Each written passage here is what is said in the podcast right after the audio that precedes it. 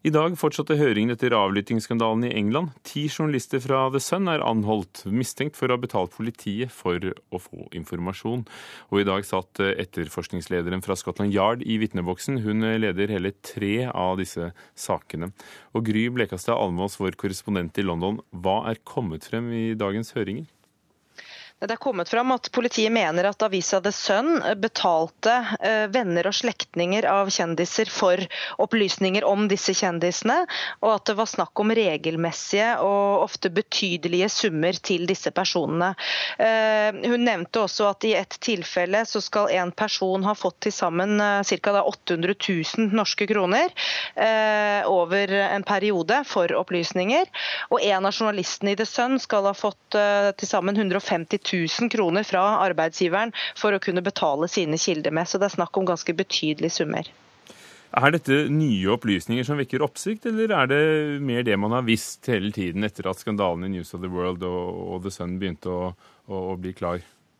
Nei, Man har jo i det siste fått uh, litt mer innblikk i det politiet mener skal ha foregått i The Sun, i og med at man nå til sammen da har anholdt som du nevnte, ti av avisas tidligere og nåværende uh, journalister nettopp for uh, korrupsjon og for å ha betalt både kilder i politiet, i militæret, i fengselsvesenet også, ikke bare venner og bekjente av, av kjendisene.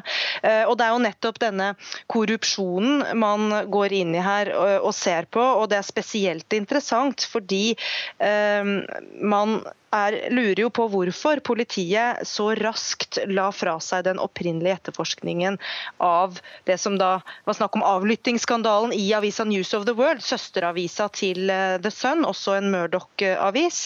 Eh, fordi det man kan lure på, er jo da om det er det samme politiet som i noen tilfeller har samarbeidet med eh, avisa The Sun, som også da ble satt til å etterforske denne avlyttingsskandalen, og som dermed la fra seg den saken litt for fort, har det vist seg i ettertid.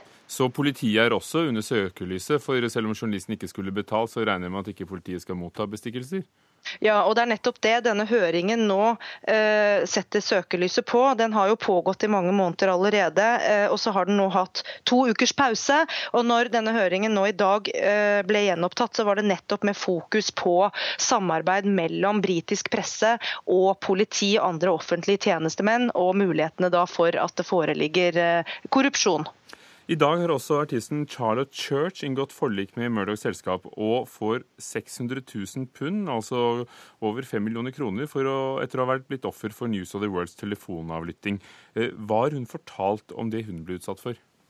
Ja, hun er jo en av eh, flere kjente personer som nå etter hvert har fått erstatning eh, gjennom forlik med, eh, med mm, Murdochs organisasjon. Hun var en barnestjerne da hun ble utsatt for avlytting, og ikke bare hun, også hennes foreldre og venner. Og Retten har slått fast at til sammen 33 artikler var basert på telefonavlytting. Og Det har vært saker som da hun fikk sin første kjæreste som tenåring, eh, om helsesituasjonen hennes. Og ikke bare hennes, men også hennes eh, mammas eh, helsesituasjon. Altså en person som kun var interessant fordi hun var moren til en kjent sanger.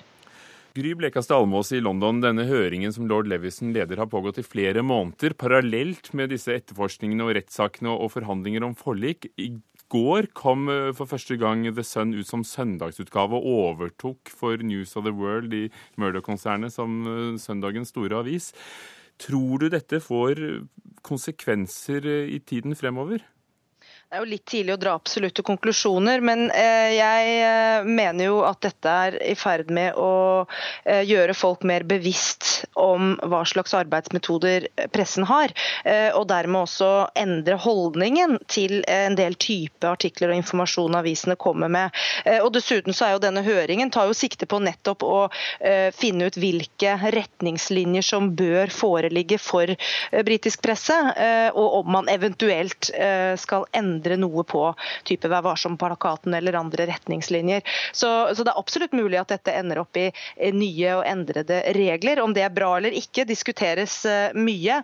Men jeg, jeg tror allerede at lesernes holdninger eh, er i ferd med å endres. Og det vil jo også på sikt eh, endre hvordan avisene ser ut, tror jeg.